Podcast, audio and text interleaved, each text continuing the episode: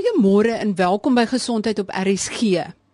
Ons sou vandag gesels het oor hoe dokters van Kaapstad 'n nuwe skedel gebou het, maar weens 'n tegniese probleem met die rekenaar kon ons nie daai program vandag uitsaai en vir julle bring nie, maar dit skuif net aan na volgende week. Maar ons het vandag 'n ander baie belangrike onderwerp en dit is bloeddruk, want so baie mense in Suid-Afrika ly aan hierdie probleem. Ek is dus vandag aan die kantoor van professor Brian Reiner.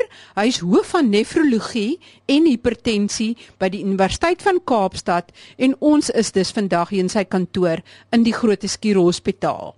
En ons gaan probeer om vir julle te verduidelik wat is bloeddruk, wat die nagevolge daarvan is, hoekom dit behandel moet word en hoe dit behandel kan word.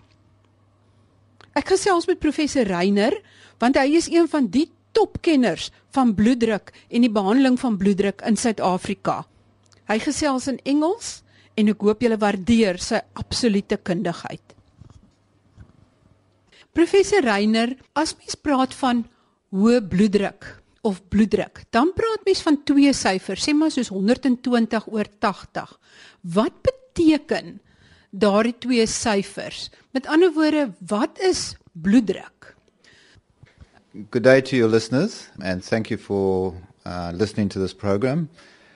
Yes, blood pressure is essential to perfuse your vital organs, like your brain, your kidneys, your intestines, etc. And when your heart pumps, it generates the pressure when it pumps, and when it relaxes, there's the pressure. So the pressure you see when they say 120 80, 120 refers to when the heart contracts, and 80 refers to when the heart relaxes. Both are important for doctors to interpret when measuring your blood pressure. Waarom is albei belangrik? Kan die een nie te hoog gaan nie en die ander nie te laag nie?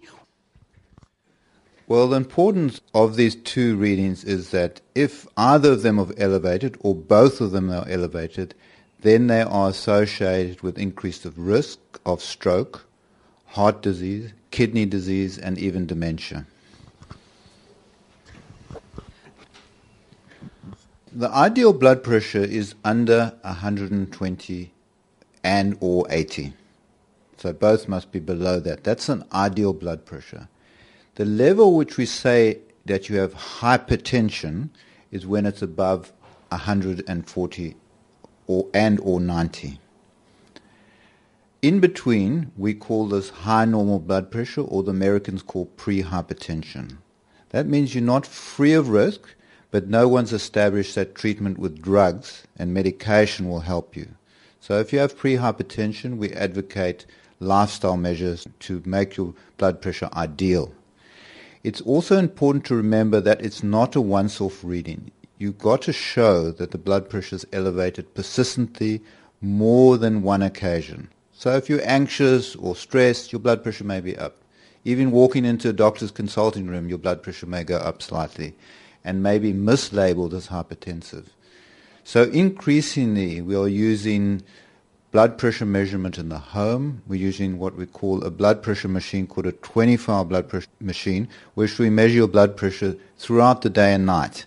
And then we can actually more accurately decide whether you have hypertension or not. Because clearly it's very important because if you have high blood pressure, as I said, persistently high blood pressure, you associate with all these bad things, and treatment prevents them. And we don't want to treat people who don't need medication because then they'll just get side effects.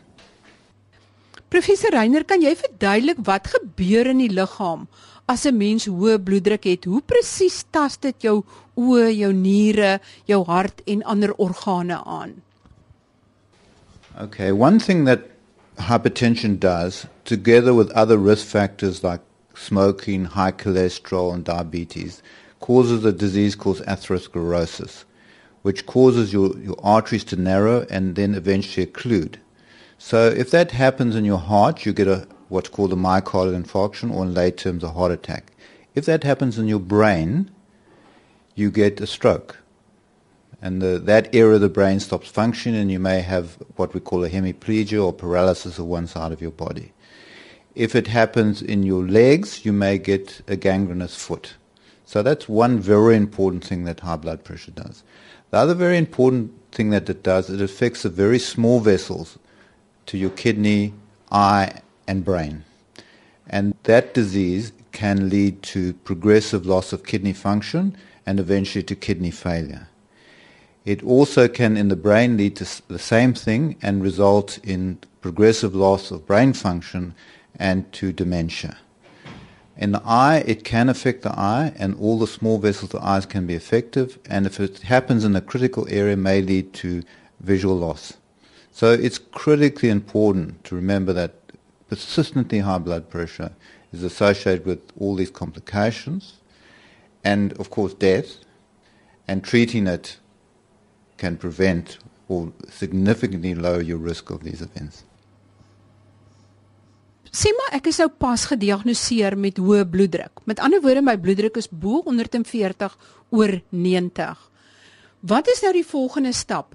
Moet ek nou medikasie begin gebruik en is dit een middel of is dit twee of is dit dalk sommer 3 wat ek nodig het om my bloeddruk voldoende te verlaag? If you have blood pressure between 140 and 160 or 90 and 100, you have stage 1 hypertension. And if you don't have any major risk factors or complications like diabetes or smoking, you may have a period of lifestyle modification. So then the doctor would tell you to exercise more, reduce the salt intake, uh, try and lose weight, exercise more regularly, and so on, all and stop smoking, and then review the, the situation regularly. And if it is not coming under control with lifestyle, then the doctor will recommend the medication. However, the higher your blood pressure is, it's more likely you will require two or three drugs. So if your blood pressure is above 160 or 100, most likely you'll need two drugs because the drugs work on different pathways in the physiology of your body. So that one drug will only lower your pressure approximately 10 over 5. So if you need 20 over 10, because we need to get to below 140-90, we need combinations of drugs. And so that's very important. The other important issue, if your blood pressure is above 180-110, you are in need of urgent attention because the risks are very much more accelerated in those patients and, and there's a risk of developing a stroke or kidney failure in the next few weeks or months. Sjoe, dit is baie dramaties. Met ander woorde, as dit hoër is as 180 oor 110, kan jy binne weke of maande nierversaking begin kry of 'n beroerte. So dringende aandag moet hier aangegee word en die behandeling moet baie drasties wees. Yes it is. And our experience is that many patients get underassessed by the practitioner when they have severe hypertension. and sometimes it even requires hospitalization to bring the blood pressure under control. So once you get above 180, 110, you need to pay particular attention. You need to start treatment almost immediately. I'd also must remember that you must also have tests, and this is often not done. You to have tests for your kidney function. You need to have an ECG test to see if your heart is enlarged or not.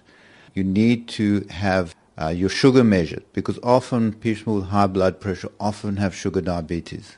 And if you don't test it, you won't find out.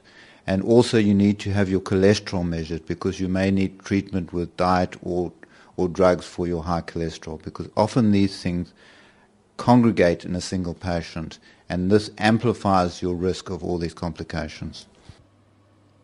As ek nou gediagnoseer is met hoë bloeddruk en ek het nou probeer om lewenstyl aanpassings te maak. Met ander woorde, ek het gewig verloor, ek het ophou rook, ek eet baie minder sout en my bloeddruk is nog nie laag genoeg nie. Met watter medikasie sal hy begin? Watter pille sal hy eers voorskryf? The South African hypertension guidelines recommend that one of three classes of drugs are recommended for first line therapy. That's either a diuretic like hydrochlorothiazide or indapamide, or a calcium channel blocker like amlodipine, or a drug called a renin angiotensin inhibitor that's like an ACE inhibitor or angiotensin receptor blocker. So any of these drugs can be used alone or in combination or all three in combination. And that depends on your severity of your hypertension. If you have stage 1 hypertension, it's likely you may be controlled on one drug. But if you have more stage 2 and stage 3, more and more likely you'll have to have two or three drugs, and some people even four drugs to control their blood pressure. Waarom kan ek nie maar net hoër dosisse van een middel neem nie? Dis tog baie makliker om een middel te neem as om 2 of 3 te neem. Well, when you for instance increase the dosage of one drug, the increase in blood pressure lowering becomes plateaued.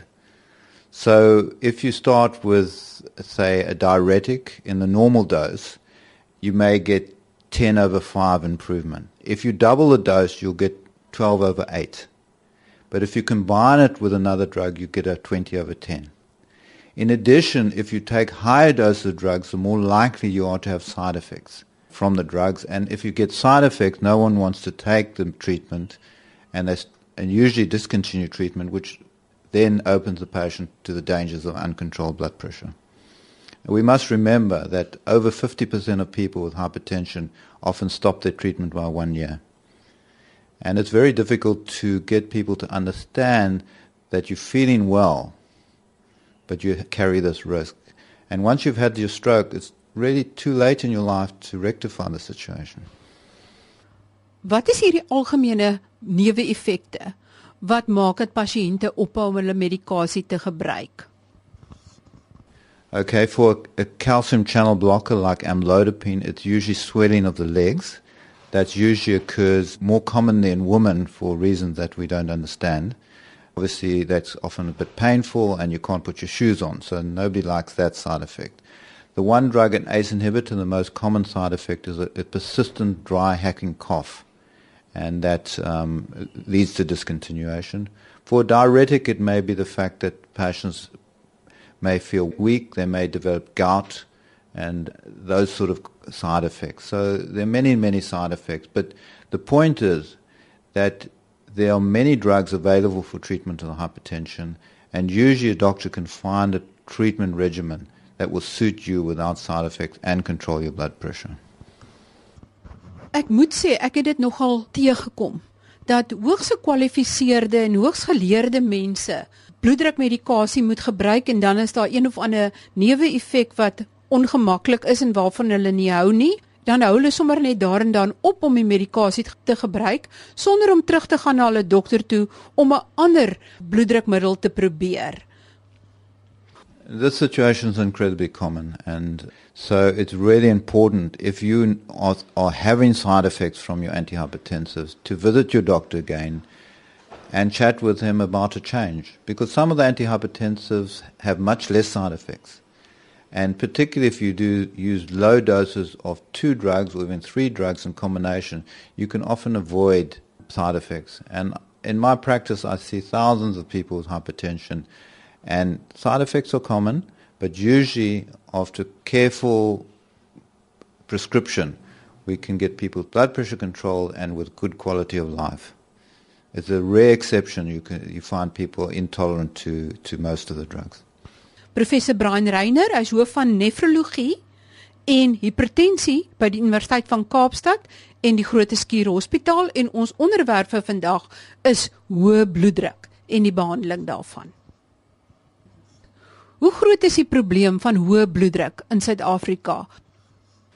South Africa unfortunately has the highest probably the highest prevalence of hypertension in the world. And it's risen by 50% in the last 10 years.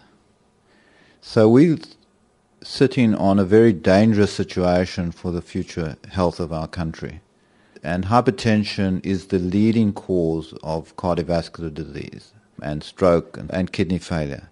So we really need to pay attention to this. And at every opportunity, you should have your blood pressure measured by your doctor. And if it's elevated, to go through the whole process of getting it properly evaluated. It's come to the point now that 10% of young people between 15 and 25 can be diagnosed with hypertension. So we really need to, at a population level, encourage a much more healthy lifestyle particularly in our, in our children and our school children, to do sport and exercise, to try and avoid the junk food, not take smoke, don't smoke, don't take drugs, keep your weight down, and so on. It's critically important because all these things are linked to that issue. We also, incidentally, in our black population, there is a, a hereditary predisposition to hypertension. So they get a double whammy in a way. Watter persentasie van mense met hoë bloeddruk in Suid-Afrika word wel gediagnoseer en watter persentasie van die wat gediagnoseer word se bloeddruk word voldoende behandel sodat dit laag genoeg word om die komplikasies van hoë bloeddruk te vermy? Currently, an overall population, one in three have hypertension. If you're over 60, it's like one in two. Now, the rule of halves applies to hypertension. So 50% of people are undiagnosed. 50% who are diagnosed don't take treatment. And 50% who receive treatment are not controlled. So you're talking about 10% of the population who have hypertension uncontrolled. And that is a very, very poor reflection on what we're doing in South Africa.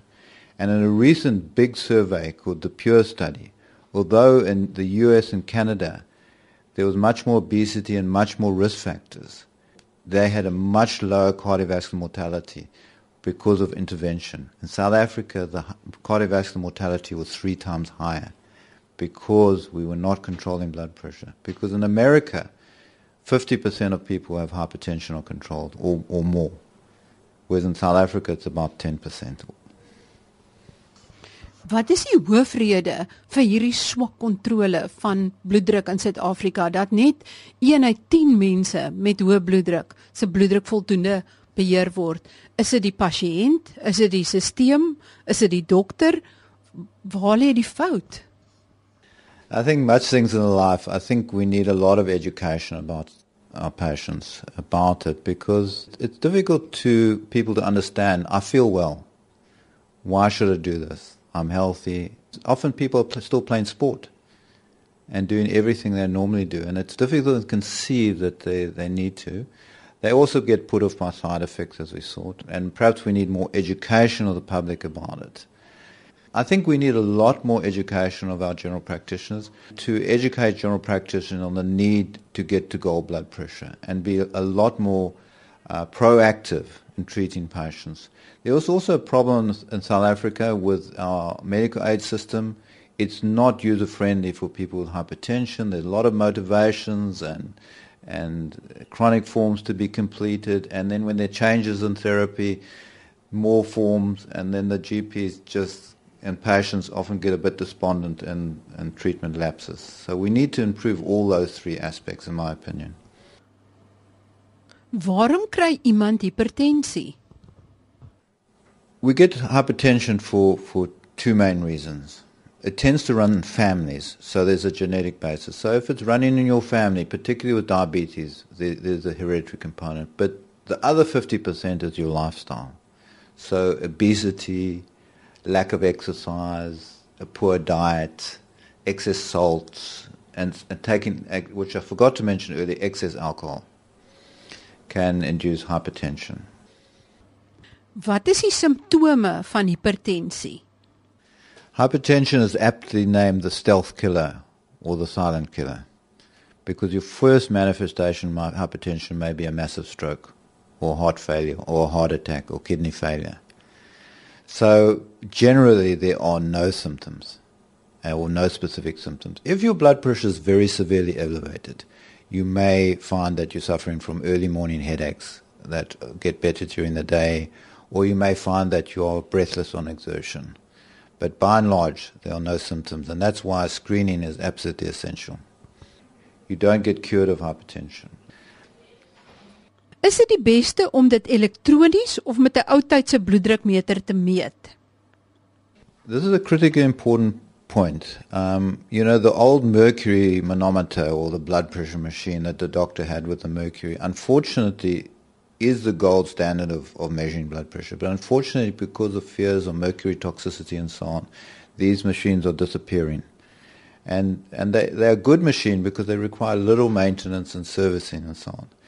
So increasingly we have to um, rely on electronic devices to assist us.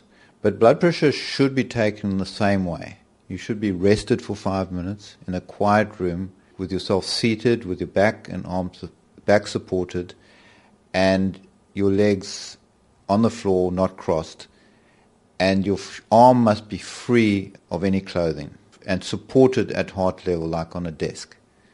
If you don't do those things, you can get errors in measurement. And then the doctor can proceed either by listening with his stethoscope or using electronic devices. It's very important those electronic devices are accurate and are serviced because they can with time become inaccurate and lead to problems.